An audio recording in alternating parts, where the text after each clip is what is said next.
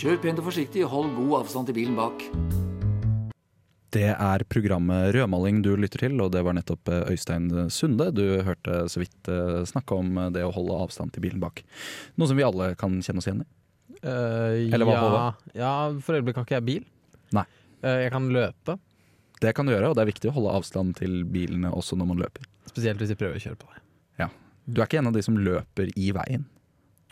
Eh, bare for just for the heck of it, liksom. Ja, Litt sånn som syklister, da, tenkte jeg. Å nei, å, det syns jeg er veldig irriterende. Selv om jeg kjører bil såpass sjelden uh, selv, syns jeg det er sykt irriterende. At uh, folk sykler eller løper i veien. Eh, begge deler. Ja. Spesielt, de, de gjør det også veldig ofte hvis det er et fortau ved siden av. Ja, og det er kanskje det mest provoserende av alt. ja. Fordi jeg skjønner jo at det fins mange steder i Bygde-Norge hvor man kanskje må løpe i veien, for det er ingen andre veier. ja. Eller så må du løpe over et jorde, da, kanskje. Mm, Jeg tror de baserer seg på et slags sånn hierarkisystem. At de mener at de er eh, forsvarere av den moralske høyborg ettersom de sykler. Å ja, ok, Fordi de har miljøargumenter på sin side? Eh, ja. Ja. Men hvis du skal operere etter det, så må jo på en måte Ok, da kan elbilsjåførene få lov til å kjøre dem ned. Mm. Mens eh, de som bruker bensin, må da stå i kø. Det går, det går ikke. Det går Ja. ikke. Liksom en, en dieseldrevet trailer er da nederst Eh, ja. på rangstigen? De må, bare, de må bare vente, rett og slett. Ja, Eh, ok. Kanskje kjøre ut i grøfta og vente. Etter deres logikk, da! Etter deres logikk, ja. ja. Eh, Det er rødmaling du lytter til. Det er egentlig et Trondheimsprogram. eh, Men Eh, eh, vi startet med en liten Du eh, åpnet med en provokasjon. Jeg åpnet med en liten provokasjon, men den er like relevant uansett hvor du er hen. Mm. La oss si at dette er i Trondheim, da. Vi er jo i Trondheim akkurat nå. Nailed it, Victor. Ja, Det var veldig bra. Det er, det er derfor du er her, Håvard. Jeg vet det. jeg vet det Ja. Eh, Og veldig mange andre grunner, selvfølgelig. Eh, men eh, bare for å redde programmet litt her nå, Ja. så skal vi ha ekstremt mye Trondheimsrelevant informasjon. Så dette at vi har en eh, åpning som ikke er så eh, trondheimsbasert, det er Ja. kanskje greit. Litt løs i snippen og, Ja. Mm. Kan ikke du eh, nevne på engasjert vis et par av tingene vi skal ha i denne forrykende sendingen? Jo, det kan jeg faktisk gjøre. Vi, bla frem på PC-en sin, for han husker ikke hva vi skal ha. Uh, det stemmer også. Bare vent litt. Skal vi se. Hva er det med vinduer her oppe? Jeg har veldig mange vinduer oppe. Jeg, er ikke noe, jeg, jeg føler at uh, jeg har en sånn samlermentalitet når det kommer til fanene mine. At jeg er redd for å miste fanene for alltid. Ah, du er en fanesamler. Jeg er en fanesamler. Jeg har, akkurat nå så er jeg oppe 20 faner, tror jeg. Ja. I alle fall, eh, Vi skal eh, snakke litt om Munkholmen. Jeg skal snakke om Munkholmen, Mm. faktisk, i historiespalten. I tillegg så skal du presentere Ringvål bydel, mm. som jeg kanskje er litt uenig i at er en bydel i det hele tatt. Ja, eh, Men vi, vi kan kanskje ta det, da. vi tar den eh, når den tid kommer. Det skal, vi skal diskutere Bartebyen, begrepet Mm. Bartebyen. Mm. Hvorfor heter Trondheim ofte, blir ofte kalt Bartebyen. Eh, og så skal vi dele litt visdom da, i den nye spalten vår, Trondheimsvisdom. Vi skal det. Flere visdommer fra vår, eh, eh, vårt enorme basseng av Trondheimserfaring. Ja, jeg liker å se på det som eh, en, en form for innsjø, en oppdemmet innsjø. eh, som har da vokst utover de originale Ja. breddene til en mye, mye større innsjø. Så står vi og styrer slusene, Ja. eh, som da eh, slipper litt ut fra denne demningen på dere lyttere. Ja. Og det er jo en veldig fin tanke, tenker jeg da. At vi kan sprute vår kunnskap utover alle lytterne som hører på. Bispedømme Nidaros. På gammelvegen som gikk her. Olav Tryggvason. Kast ham i rådhuskjelleren! 1776. Der er høyskolen som gjør ere til studerende. Men det er Studentersamfunnet som gjør dere til studenter. Munkholmen omtales allerede i Snorres saga, og er da betegnet som Nidarholm. Nidarholm, eh, Det er stridigheter rundt eh, akkurat dette navnet her, og noen påstår kanskje at det kommer fra ordet niding, altså en ikke-kristen. Men ifølge Språkrådet betyr det altså det litt mer dølle Holmen ved elva Nea, eller Nid, altså Nidelva. Olav Tryggvason, den kjente norske kongen, skal ha satt eh, hodene til Håkon Jarl og trellen Kark eh, på Stave stake eh, på Munkholmen da dette her var et eh, såkalt rettersted, eh, hvor man kunne sette kroppsdelene til folk eh, til spott og spe. Eh, slik at folk eh, skulle holde seg innenfor lovens rammer. Noen skriftlige kilder påstår at eh, det ble påbegynt et kloster der så tidlig som i 1028. Men ifølge norske og islandske kilder ble Nidarholm kloster bygget på begynnelsen av 1100-tallet av Sigurd Ulstreng. Den tidligere norske kongen Magnus Blinde ble satt i eksil på øya etter å ha tapt mot sin rival Harald Gille. Dette er ikke så spennende i seg selv, men jeg ville likevel nevne ham. Fordi han levde ut en ganske grusom skjebne. Navnet Blinde var nemlig et såkalt klengenavn han fikk etter at øynene hans ble stukket ut, eh, og han ble kastrert av Harald Gille etter å ha tapt et avgjørende slag om kongedømmet Norge. Du tenker kanskje at 'å, så uheldig han var'. Og, nei, han var jo for så vidt det, da. Men eh, han kunne også ha blitt eh, nedskrevet som f.eks. Magnus Penisløs. Det er noe å tenke på. Nok om det. Som kloster var Munkholm preget av eh, tre større branner og en bugnende eh, klosterhage. Men også mye ugagn. De var rett og slett litt eh, slepphendte munker på Munkholmen. Eh, Det var faktisk så ille at de måtte få inn en lærd utlending, Matteus av Paris, eh, for å få orden på både økonomi og klosterlovene for øvrig. Og det at det hadde sklidd ut, skyldtes i all hovedsak at han som var klostermester på tiden, nesten aldri var på klosteret, for han var mest opptatt av å reise rundt og debattere med forskjellige folk. Men den neste store omveltningen kom jo da med reformen. Reformasjonen. eh, Som er en reform. Hvor erkebiskop Engelbrektsson, eh, som har blitt nevnt mange ganger i dette programmet, her, forfestet Trondheim og Munkholmen for å verne mot at kong Kristian 3. eh, skulle komme med skipene sine og innføre protestantismen med brask og bram, hvis jeg kan bruke de ordene. Ja, Dermed var det ikke lenger noe særlig aktivitet på eh, Munkholmen før ca. 100 år senere, under den store nordiske krig. Da ble Trøndelag og Nordmøre okkupert av svenskene. Eh, og etter at Trøndelag ble gjenerobret to år senere, så ble Holmen forfestet med den ganske karakteristiske tårnet og stjerneformede skanser. Munkholmen ble også brukt som fengsel. Og den kjenteste av fangene som har sittet på Munkholmen, ble kalt og het Peder Schumacher Griffenfeldt. Han var rikskansler i Danmark-Norge og greve over Tønsberg len, i tillegg til at han også var president for Høyesterett. Så han var med andre ord den nest mest innflytelsesrike ved siden av eh, kongen selv i hele kongeriket. Han ble altså dømt eh, for eh, å ha bedrevet korrupsjon og i tillegg for landsforræderi. Eh, Men dette er i ettertid funnet ut at eh, mest sannsynlig ikke stemte, og handlet først og fremst om politiske eh, intriger innad i riksretten. Men han ble i alle fall dømt til døden først, i 1676. eh, Men dette her ble da altså omgjort. Og det sies at dette her var noe kongen gjorde bevisst, bare sånn at Griffenfeldt skulle se døden i hvitøyet. Før han da måtte betjene sin dom, kan man si det? Nei, man kan ikke si det. Eh, nei, jeg skal ikke si det. Uh, ute på Munkholmen, som da var riksfengsel, hvor han satt i hele 20 år i toppen av tårnet på Munkholmen. Og For å gjøre det tydelig da, hvor eh, stort dette var, så ville det kanskje vært det samme som om Olemic Thommessen eksempel, ble dømt til døden etter budsjettsprekken på byggearbeidene på Stortinget. Bare at han i tillegg da var stortingspresident, så var han også høyesterettsdommer og veldig, veldig rik. Noe Olemic Thomsen, i hvert fall meg bekjent, ikke er. Eh, Victor Hugo skrev også sin første roman om Griffenfeldt på Munkholmen. Uh, 'Han det Island' het den, og kommet på dansk i 1831. Det er min eh, beretning eh, om Munkholmen. I dag er det et yndet eh, feriemål, og det går rutebåt dit eh, hele sommerhalvåret. Jeg har aldri vært på Munkholmen. Har du aldri vært på Munkholmen? Hvorfor ikke det? Jeg prøvde å snike det inn der.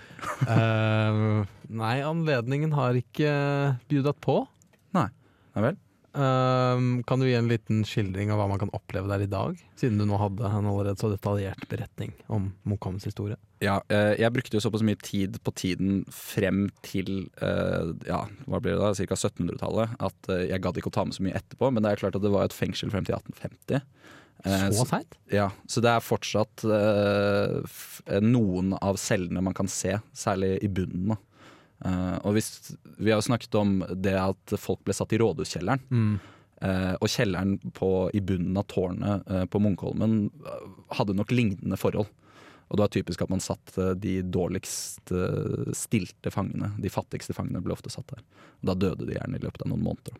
Jeg syns at, jeg synes at Munkholmen um, er så flott fordi det er så symbolsk på på en måte eh, rettsstaten på den tiden du snakker om, sånn rundt middelalderen. eh, Nå var vel det her litt senere. Det er litt senere, da. Det er jo liksom, ja, hva skal man si, 1600-1700-tallet. Men, men, men dette med f.eks. hoder på stake, eh, Ja. et fengsel ute på en øy, kastrering Det, har jo liksom, det virker som det alltid har vært eh, et tegn på form for eh, lov og rett her i Trondheim. Og sånn, det, det er noe litt flott over det at man kan dømme folk til å sitte i et fangehull med en lenke rundt foten, og, og, eller å bli dømt til slaveri, da, hvor du må stå og hakke på en stein. Altfor lite av det i dag. Altfor lite av det i dag. Eh, jeg, jeg tror også vi har snakket om tidligere dette med at um, um, eh, på 1700-tallet Ja. eh, så var uh, hovedfartsåren til Trondheim uh, langs sjøen. Ja. Uh, og det å da sette hoder på stake ut på Munkholmen er veldig sånn symbolsk for alle som kommer inn Mm. til Trondheim. Ja. Eh, ser da dette er hva som skjer hvis du ikke oppfører deg. Ikke sant? Da går det som med deg som det gikk eh, med trellen Kark. Nettopp. Ja. Mm. De hadde vel også noe lignende på Galghaugen, tror jeg. Det kan godt Galgeholmen, stemme. Galgehaugen her i Trondheim, tenker du på? Ja. Da er det sikkert en haug. Det er jo bare Nid, Nidarholm eller eh, Munkholmen som er en holme. Det er ikke så mange andre holmer, er det det? Jeg kommer ikke på noen. Jeg kan komme tilbake til det. Vi kan komme tilbake til det. Her i Rødmaling så skal vi nå diskutere Trondheim, som vi ofte gjør egentlig i dette programmet. Da det er det programmet handler om. Kan jeg, kan jeg bare si Hva vil du si nå? um, at uh, jeg har funnet både Galgehaugen og Galgeholmen i Trondheim? Å ja? Ja, Så de hadde begge deler? ja tydeligvis. Og folk Og- ble hengt begge steder? Og jeg har lett etter holmer på Google Maps Ja. Eh, langs Trondheimskysten. Nå ser jeg også på kartet ditt at den Galgeholmen, er det ute, utenfor Ranheim der? Der hvor de har liksom bygd ut en sånn dokk? Jeg sto ikke akkurat hvor den var, jeg googlet det bare. Er det den der? Ja, ja mulig. Ja, Eh, det er en sånn der, um, liten restaurant der. ja ok. Ja, for da er det det som er fundamentet til det de kaller for Trondheims Dubai. Ranheim. Ranheim. Trondheims Dubai. Som sikkert kommer til å bli presentert i en annen av våre sånne bydelsspalter en eller annen gang i fremtiden. Poenget mitt uh, var at du hadde rett i at det var særdeles uh, lite holmer uh, rundt om i Bartebyen. Ja, ikke sant? Fordi her er det mest bart. Her er det mest bart. Ja. Dere skulle bare visst hvor uh, god jeg var radioteknisk akkurat der. Fordi det vi skal snakke om, Viktor, er Bartebyen Trondheim. eh, og det som er med Bartebyen Trondheim, er Altså, alle tar det litt for gitt at Trondheim er Bartebyen. Mm. Eh, men det jeg ville diskutere, er jo egentlig hvorfor Trondheim er blitt Bartebyen. Fordi de har jo bart alle steder i hele verden. Der det er mann, er det bart. Ja. Ja. Det, er, det er jo mm, sikkert nesten riktig, det. Ja, jeg vil jo tro det. Det fins jo selvfølgelig kanskje enkelte steder i, i Asien for eksempel, hvor folk er litt mer hårløse og ikke har Mm. så god bartevekst. Men selv der er jeg sikker på at det finnes mange som har bart også. Ja, men jeg føler at uh, bartekonsentrasjonen er større i Trondheim. Men om det er preget av det bildet jeg allerede har av byen, eller, eller om jeg faktisk har observert dette, det er meg uvisst. Ikke sant? Og jeg, jeg lurer kanskje på om det er en uh, liten placeboeffekt uh, i det hele. At det, det er liksom, siden det er Bartebyen, så er det flere folk uh, som har bart, som drar hit. Ja, At de på en måte valfarter hit. ja. Eller at man har Bartebyen i bakhodet, så når Mm. man først ser en eh, veldig ekstravagant mustasje, Ja. så velger man å legge seg merke ved den. Ikke sant? Og jeg har gjort litt grann research på dette her for å prøve liksom å komme til bunns i Er det liksom et eller annet tidspunkt da Trondheim ble erklært Bartebyen, eller bare ble Bartebyen? Eh, skyldes det at folk eh, hadde veldig mye bart her, mens de sluttet med det andre steder? Eller er det på en måte et, et, mer et gimmick eller et konsept som noen andre har skapt? da? Um, Så Spør du nå, eller vet du? Uh, jeg vet, men uh, du kan jo godt eh, si hva det er du syns. Jeg tror at det har et utspring i et eller annet, Mm. men at det har ballet på seg. Ja. Bare for å være veldig konkret og flott. Ja, det var veldig konkret og flott. Jeg kan jo si det at ehm, Det jeg fant, da Det kan godt være at det har eh, lengre røtter enn dette, eh, i på en måte tradisjon, i at det er mange som er engasjert i bart her. Mm. Men eh, Trondheim som barteby kan ganske konkret skrives tilbake igjen til Tande P. Fordi Ja vel? Ja, fordi at i 1991 eh, så bestemte Tande P seg for, av en eller annen grunn, hvorfor han hadde fått for seg dette, det vet jeg ikke. Men han ville erklære Trondheim som bartebyen. Og jeg tror kanskje det var fordi han hadde bart selv. Eh, så han prøvde å få inn uh, i Olavshallen, hvor de skulle ha sånn show, TV-show, så prøvde han å få med så mange som hadde bart som mulig, og målet hans var å få inn 2000 menn med bart uh, inn i denne Olavshallen, store salen på Olavshallen. Um, dette var da altså i 1991, og da ville han altså at uh, Trondheim skulle bli bartebyen. Og Men, men han må jo ha hatt ideen fra et eller annet sted? ja, og jeg tror kanskje ideen kommer av uh, en eh, ildsjel som heter Ole Skibnes, eller Ole Skibby Skibnes, som var tidligere politimester her i Trondheim. Uh, fordi han hadde nemlig en utrolig mektig bart. Okay. Ja, og denne mektige barten var han også I tillegg til å bare ha mektig bart, da, så var han veldig engasjert i bart. Og startet da, eller var en av de som tok initiativ til å starte Den norske mustasjklubb i 1991. Um, Fantastisk klubb. det er jo en veldig fin Men klubb. ganske seint i 1991. Ganske seint, ja. Ganske sent. I Sverige så fikk de en mustasjklubb allerede i 86. De er foran oss svenskene på så mange områder. Absolutt. absolutt. Um, og vi kunne snakket mye om Den norske mustasjklubben av 91. Jeg, jeg tror faktisk at bart er et tema vi blir nødt til å komme tilbake til senere. Ja, det tror jeg også. Det er ingenting som er så vakkert som Erik Gay i hockey. Ringvoll. Det første som må nevnes når det kommer til Ringvoll, er selve navnets skrivemåte. Skrives nemlig ikke Ringvoll eller Ringvold, men på det veldig fonetiske viset Ringvål. Ringvoll er ikke hjertet av Trondheim. Vest på Heimdal, og uten den omfattende infrastrukturen vi har her i sentrum, er det lett å tenke på Ringvoll som intet bedre enn f.eks. Verdal. Men med sine 456 innbyggere er Ringvoll faktisk en del av Trondheim kommune og burde behandles deretter. Til tross for at hovedelva deres heter Gaula og ikke Nidelva. Bosetningen på Ringvoll er det vanskelig å datere nøyaktig, men det er funnet nedtegninger om Ringvoll gård så langt tilbake som 1440, da det visstnok skal ha vært i erkebiskopen av Nidaros sin eiendom. I dag står det kun igjen en buekonstruert portåpning som en gang har tilhørt fjøskjelleren på Ringvoll gård. I en bygdebok fra 1957 sies det følgende. Ringvoll gård drives ikke mer annet enn å fòre sanatoriets ene hest. Og der er vi inne på selve juvelen av Ringvoll. Rosinen i Ringvoll-pølsa, nemlig Ringvoll statssanatorium. Og da lurer jeg på, Håvard, Ringvoll statssanatorium, hva er det for noe? Ja. um, det er jo da rosinen i Ringvoll-pølsa, som jeg sa. Ja, det er for så vidt greit, men jeg går jo ut ifra at det er Planene Ja. om Ringvoll statssanatorium begynte allerede på 20-tallet, Victor. Ok. Eh, det skulle være et såkalt tuberkulosehjem da denne Mm. sykdommen var et stort problem på starten av 1900-tallet. Mm.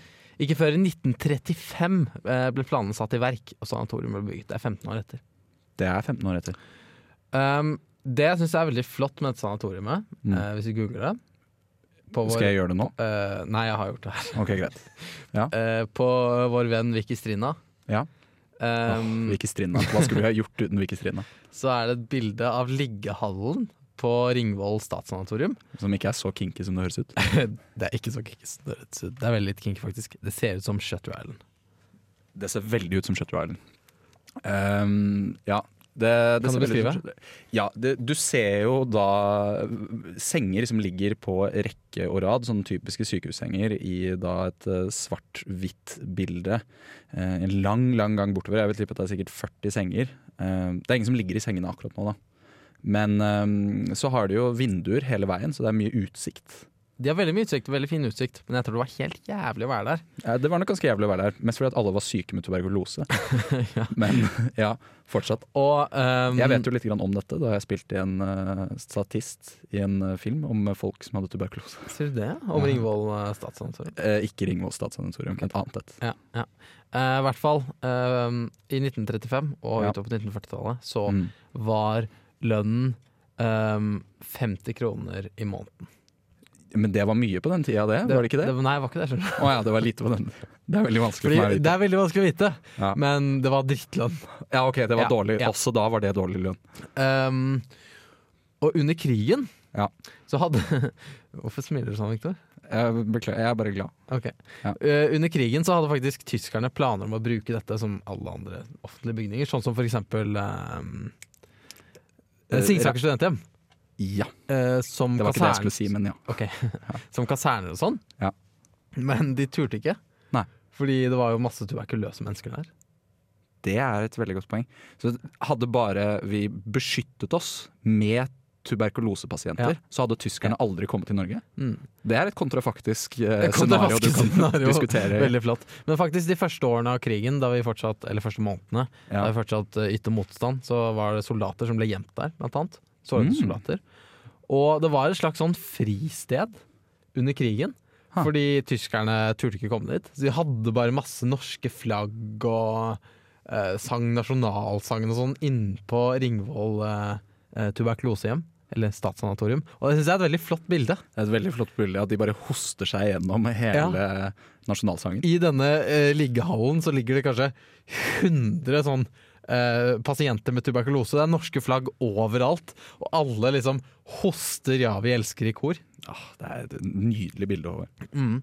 Um, Det er nasjonalromantikk, det. det er nasjonalromantikk på sitt aller beste. Mm. Uh, for øvrig, planlegger du å bosette deg på Ringvoll, er det også flust av turmuligheter, der de fleste strøk har direkte tilgang til Leistandsmarka. Det er også kort vei uh, ned til utløpet av Gaurdaelva, som jeg nevnte i innledningen. Yep. Uh, der du annet kan finne et sånn mangroveskogområde. Der har vært. Det er det ingen som ikke har studert biografi, bio, biologi, som vet hva er. Biografi, nye studiet på NTNU. Eh, men det er eh, veldig interessant, faktisk. Mye interessant vegetasjon. Ja. Og flott å gå tur. Ta med gummistøvler. Det høres jo veldig veldig fint ut. Men det eneste holdepunktet jeg har mot uh, denne bydelen, er vel at er det, Kan det kalles en bydel i det hele tatt? Er mitt spørsmål. Nei, men nå har vi blitt enige om å være litt løssluppende uh, når det kommer til definisjonen av bydel. Det ligger jo i Heimdal bydel, da, sånn teknisk sett, hvis du skal være vanskelig. Ja, Men øh, nå merker jeg også at øh, etter at jeg angrer meg litt på denne løssluppenheten. Ja, ja. At jeg, jeg begynner nå å se de øh, mørke i horisonten. Nettopp. Og hvilken, hvilket helvete, definisjonshelvete, vi har begitt oss ut på. Jepp. Neste gang blir det klett. Ja, Det er, det er jo ikke en bydel. Nei, du har gjort det sjøl, Victor. You Ja. brought this upon yourself. Så Bratsberg skal liksom også være en bydel nå? Ja, skal ikke se bort fra det. Det, er- det er jo anarki i studio. Førstemann til Møllenberg for første med alt. Ny i byen, sier du? Ja, vi har alle vært Blåbæret fra Byåsen. Bortgjemte Trondheimshemmeligheter. Men jeg tror ikke på Trondheim. Det har ingen betydning, for Trondheim tror på deg.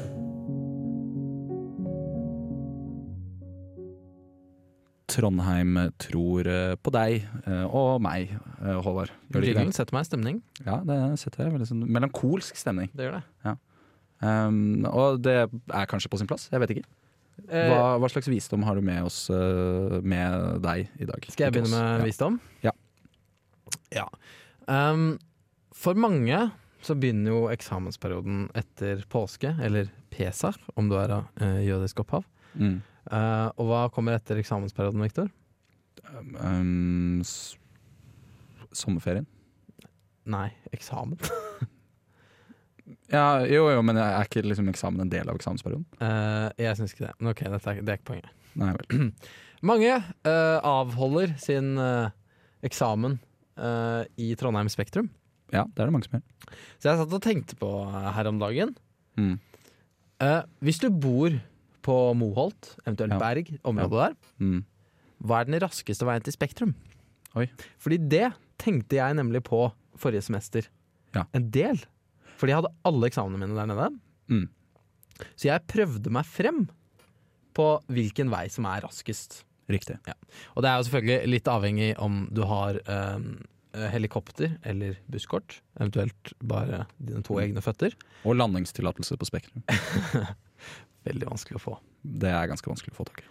Og ehm, nå har jeg ikke tatt hensyn eh, til eh, sånne ting som eh, naturskjønt, hvor naturskjønt området er, ehm, Det er på veien. Ja.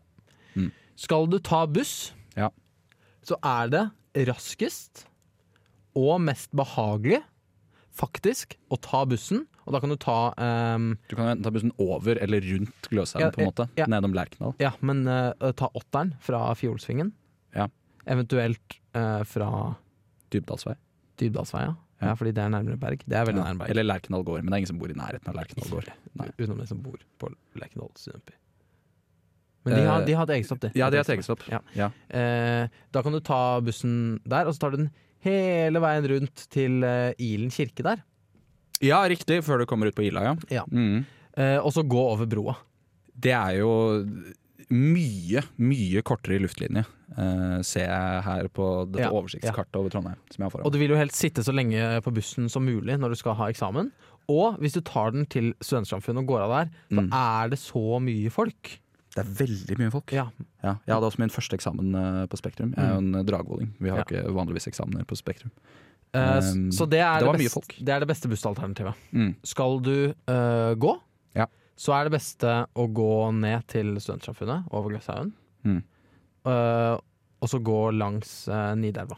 Eh, Og da er det veldig fint å gå ned under broa der. Også Mm. på promenaden. Veldig glatt om vinteren. Ja. Eh, Kan jeg kalle det promenaden? Eh, du kan si hva du vil. Gangveien langs elva. Ja. Bort til Spektrum. Riktig. Det, det Sa du. Spektrum? Jeg trodde du skulle la det gå. Nei vel. Jeg lar ikke sånne ting gå. Ok, nå er det din visdom. Min visdom, ja. Eh, jeg har jo noe visdom eh, som jeg har opparbeidet eh, her i eh, Trondheim eh, by. Eh, jeg ville anbefale alle å prøve å ta trikken en gang. Ja. Det kan godt være at jeg er over middels glad i trikk. Det er du definitivt. Det, ja, det er jeg.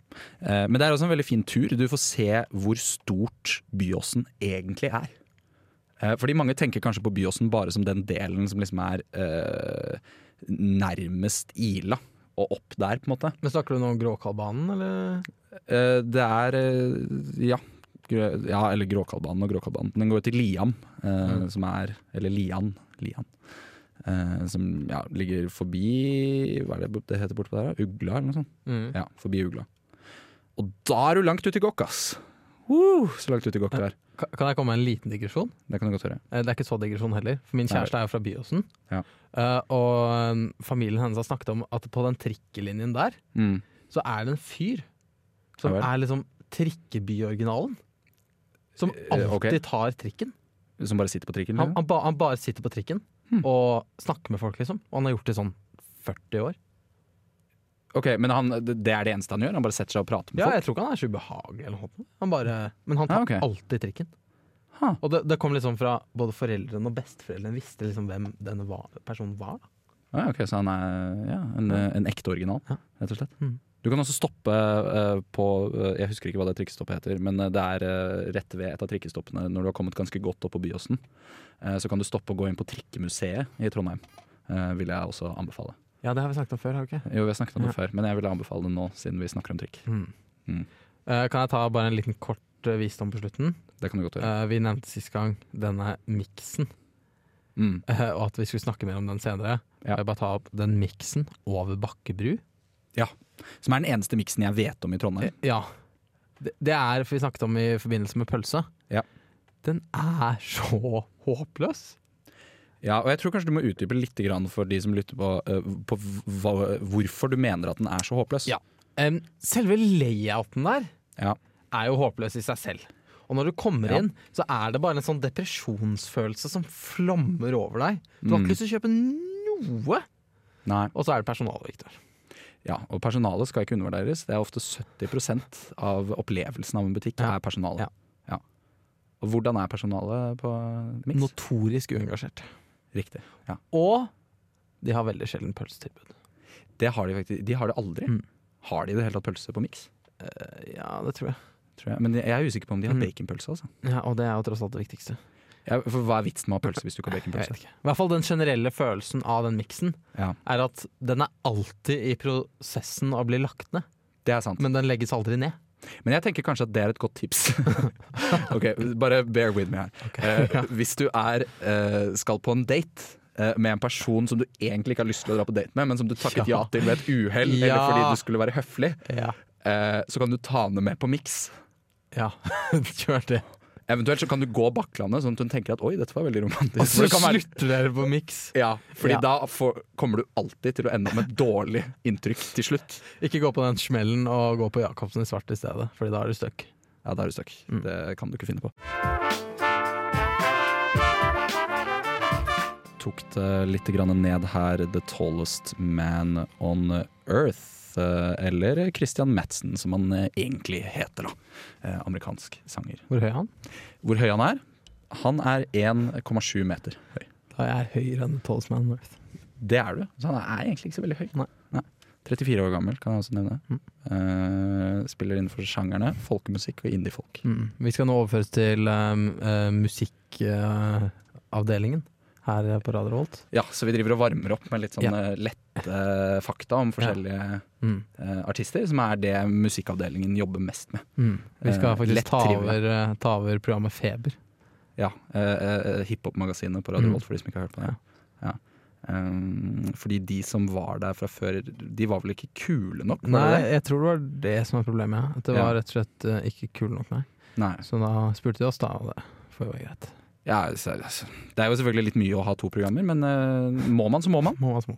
Ja. Eh, Det er eh, snart påske, Victor. Det er snart påske, eh, og i den forbindelse så tar jo vi ferie. Ja. Men frykt ikke, fordi vi har eh, samlet sammen noen eh, skal vi kalle det best-offs. Ja, det er jo det. Vi tar jo ut det vi syns er best fra denne sesongen. Det hadde vært veldig rart hvis vi tok ut det vi syns var verst.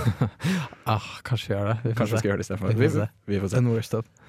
Så det blir noen ja, litt nytt, men for det meste det gamle godbiter da, eh, de neste to søndagene. Ja. Og så etter det, da er vi tilbake igjen. Da er vi tilbake igjen. Og ja, jeg vet ikke helt om vi bare tar fra denne sesongen her. Kanskje vi plukker litt her og der. Det- Ja, vi får se, vi får se. Hva det er vi uh, syns er best. Vi har ikke kommet så langt, uh, som dere kanskje forstår. Ja, fordi Du prøvde å gi inntrykk av at vi allerede hadde gjort det, men så ødela jeg det nå. Eh, det gjorde du, og Eh, det hender ofte at du gjør. Vi har ikke gjort det. Nei, vi har ikke det. Eh, takk til Torben. Takk til eh, Torben. Eh, vi kan takke Vilde. Ja, har- tusen takk, Vilde. ja, nå var du god! Ja. Vilde er da vår fotograf, som, eh, for de som ikke har hørt på så mange ganger. Um, og så må dere jo selvfølgelig følge oss på Instagram. rodmaling der. Og så kan dere søke oss opp både på Spotify og andre podkast-apper. Last ned podkast. Nå skal vi gjøre Naked Giants med Sluff her i rødmaling. Men du må ikke forsvinne ennå, Fordi etterpå så kommer Flomlys, sportsprogrammet her på Radio Lot. Det skal jeg høre på, i hvert fall. Det er deres første sending i dag. God påske. God påske!